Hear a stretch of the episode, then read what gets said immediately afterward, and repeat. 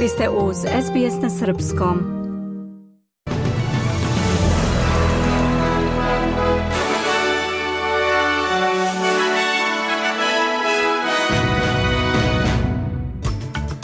Obaveštajna služba Australije otkrila strani špijunski lanac na čelu s jednim bivšim domaćim političarom. Na samitu u Tirani Vučić i Zelenski razgovarali o teritorijalnom integritetu Srbije i Ukrajine. U Gani strože kazne za promociju LGBT pokreta, u Francuskoj se pravo na abortus uvodi u ustav.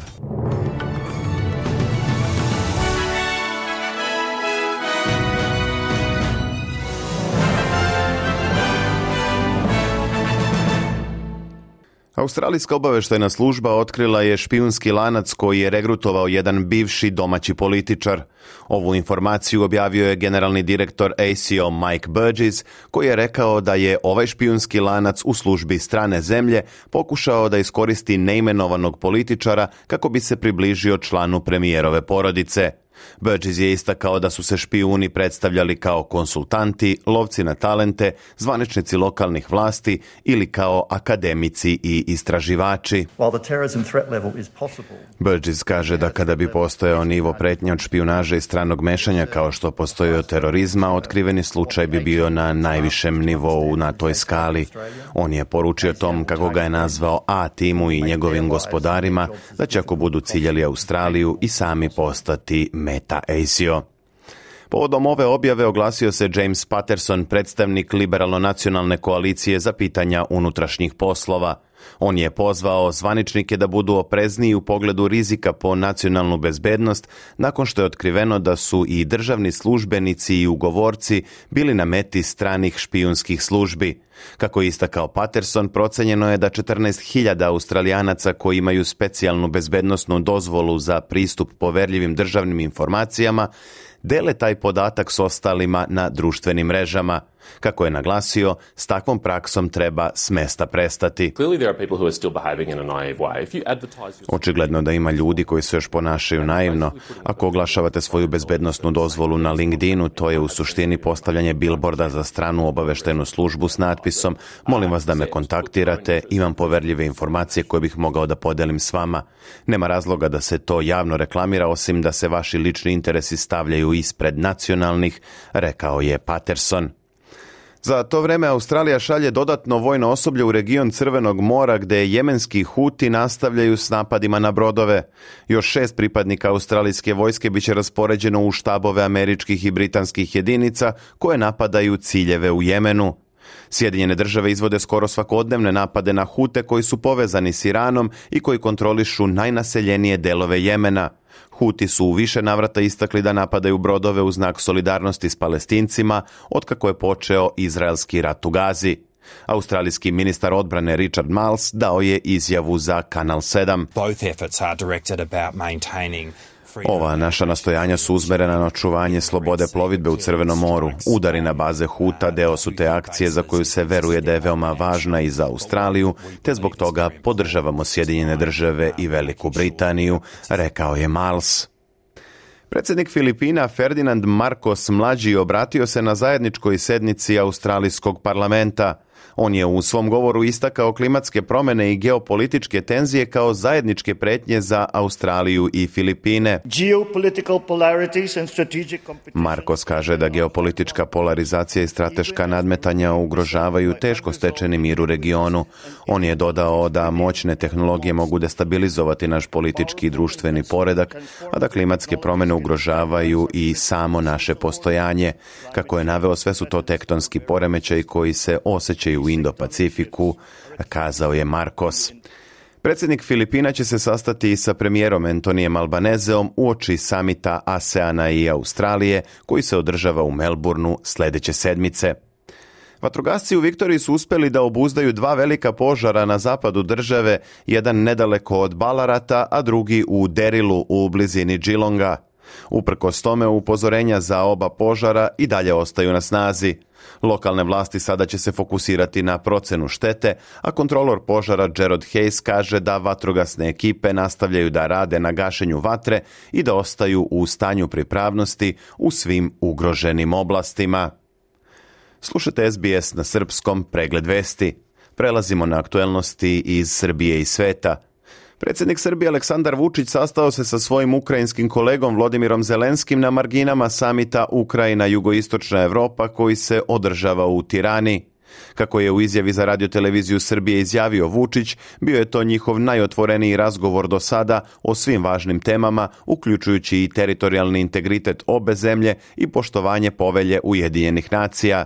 Vučić je takođe istakao da se glas Srbije slušao sa poštovanjem tokom samita i naglasio da ne razume negativan stav prema Ukrajini koji pokazuje deo javnosti u Srbiji. Čini mi se da je glas Srbije sa poštovanjem slušan ovde. Mogli ste to i od domaćina da čujete, ali i od mnogih, mnogih, mnogih drugih pa čak i od predsednika Zelenskog koji kada se obraćao i po trajanju našeg bilateralnog sastanka pokazao poštovanje prema Srbiji. Ja samo želim ljudima u našoj zemlji da kažem da kada izražavaju stavove neke protiv Ukrajine, da ja moram da kažem da to ne razumem. Razumem ja naše odnose i prema Rusiji, sve ja razumem odlično. Ne razumem negativan odnos prema Ukrajini, jer Ukrajina nikada ništa protiv Srbije nije uradila. I to želim da kažem svim ljudima i Ukrajina nije priznala ni nezavisno Kosovo, naša slovenska braća, kao što su nam slovenska braća i Rusi. I trudimo se da imamo dobre odnose. Na samitu u Tirani čuo se i predlog Zelenskog da Ukrajina i zemlje Zapadnog Balkana zajedno proizvode municiju. Tim povodom Vučić je za RTS rekao da su značajni proizvođači municije na Balkanu pre svega Srbija, Hrvatska i Bosna i Hercegovina, te da je jasno na koga se predlog odnosi. Dodao je i to da Srbija mora da prvo sagleda svoju poziciju kao i da je izdao naređenje da se popunjenost srpskih rezervi municije sa trenutnih 62% poveća na pun kapacitet. Na samitu je usvojena i zajednička deklaracija u kojoj se izražava podrška nezavisnosti, suverenitetu i teritorijalnom integritetu Ukrajine u njenim međunarodno priznatim granicama od 1991. Predsednik Srbije je rekao da se u deklaraciji na zahtev Srbije ne pominju sankcije Rusiji niti ruski maligni uticaj – S druge strane, lideri su izjavili da podržavaju pravo Ukrajine da bira sobstvene bezbednostne aranžmane, te da zemlje članice NATO-a i zemlje kandidati odobravaju korake preduzete na putu njenog budućeg članstva u NATO alijansi, čim to bezbednostni uslovi dozvole. Kancelarija Organizacije za evropsku bezbednost i saradnju koja se bavi demokratskim institucijama i ljudskim pravima objavila je konačan izveštaj o izborima u Srbiji, U dokumentu se ističe da su izbori tehnički dobro vođeni i da je ponuđen širok izbor političkih alternativa, ali da je dominirao angažman predsednika države, što je, kako se ocenjuje, u sistemske prednosti vladajuće stranke stvorilo nepravedne uslove. Takođe se ističe da je učestalost vanrednih izbora u Srbiji dodatno narušila poverenje javnosti u funkcionisanje demokratskih institucija, ali da su se tokom kampanje uglavnom poštovale osnovne slobode. Odihr je Srbiji dao 25 preporuka za unapređenje izbornog procesa radi usklađivanja sa obavezama u okviru OEBS-a i drugim međunarodnim obavezama. U preporukama se navodi da neophodne zakonodavne izmene treba da se iniciraju mnogo pre narednih izbora kroz inkluzivni konsultativni proces izgrađen na širokom političkom konsenzusu. O preporukama je za RTS govorio i predsednik Srbije Aleksandar Vučić. On je pozvao vladu da uvaži preporuke i naglasio da je važno da je Odihr na jasan način stavio do znanja s kakvim lažima, insinuacijama i besmislicama o izborima smo se suočavali u prethodna dva i po meseca. Šef Euleksa Giovanni Pietro Barbano kaže da je sudska odluka o vraćanju zemljišta manastiru Visoki Dečani obavezujuća za vlasti u Prištini. Barbano je u objavi na mreži X istakao da odluka iz 2016. o vraćanju zemljišta manastiru Visoki Dečani obavezuje sve pojedince i ustanove bez izuzetaka. Dovođenje u pitanje odluke Ustavnog suda podriva nezavisnost pravosuđa, narušavajući vladavinu prava, naveo je Barbano. Kosovske institucije i dalje odbijaju da sprovedu odluku Ustavnog suda u Prištini iz 2016. prema kojoj moraju da kao vlasništvo visokih dečana upišu oko 24 hektara zemlje u okolini manastira. Manastir Visoki Dečani je odlukom Komiteta za svetsku baštinu UNESCO stavljen na spisak ugroženih spomenika, a nalazi se i na listi najugroženijih lokaliteta kulturnog nasleđa u Evropi. Takođe, pošto se nalazi pod neprekidnom zaštitom Kfora, jedini je spomenik UNESCO u Evropi pod vojnom zaštitom. Sjedinjene američke države su podržale pozive na prekid vatre u Gazi tvrdeći da bi to u velikoj meri doprinelo ublažavanju rastuće krize u snabdevanju hranom u ovoj oblasti. Konvoji pomoći koji su prevozili hranu stigli su do Severne Gaze ove nedelje, što je prva veća isporuka u poslednjih mesec dana. Kako su objavile Ujedinjene nacije, stotine hiljada palestinaca u Gazi suočava se sa sve većom glađu. Portparol američkog State Departmenta Matthew Miller rekao je da je bezbednostna situacija sprečila humanitarne radnike da se pozabave situacijom dok se u Parizu nastavljaju mirovni pregovori na kojima se traži oslobađanje izraelskih talaca koje je oteo Hamas.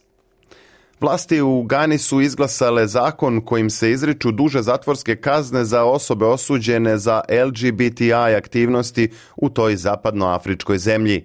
Seksualni odnos između homoseksualaca je već kažnjiv sa do tri godine zatvora, ali novi zakon predviđa kaznu i do pet godina za, kako se kaže, namerno promovisanje, sponzorstvo ili podršku LGBTI aktivnostima.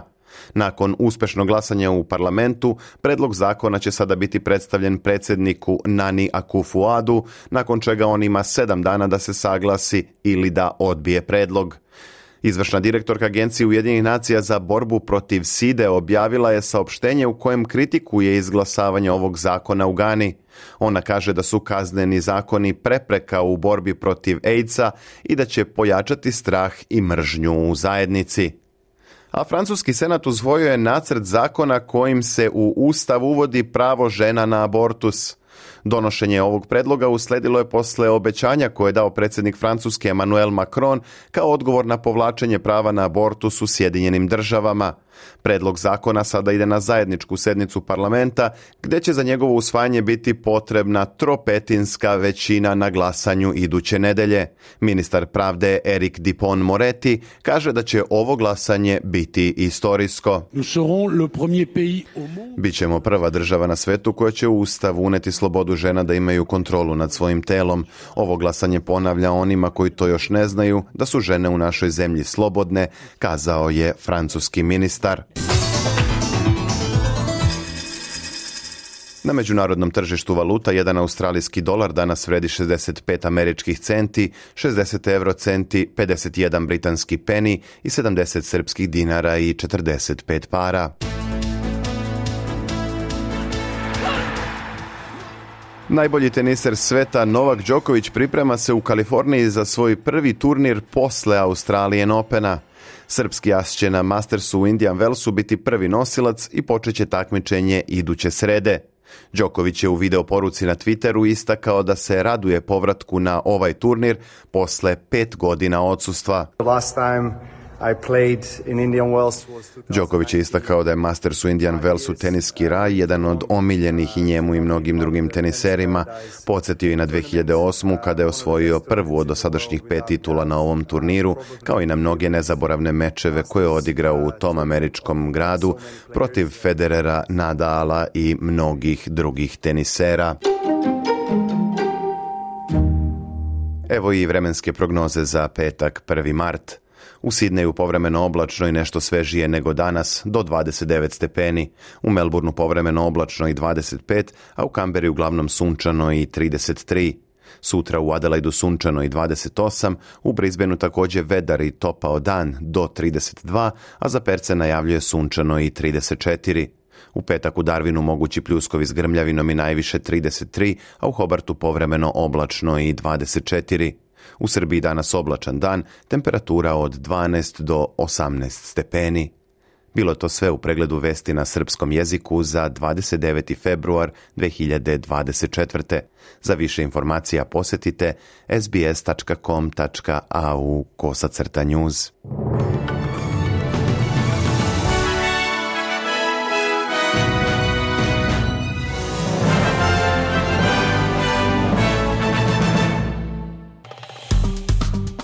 dajte like, podelite, komentarišite. Pratite SBS Serbian Facebook profil.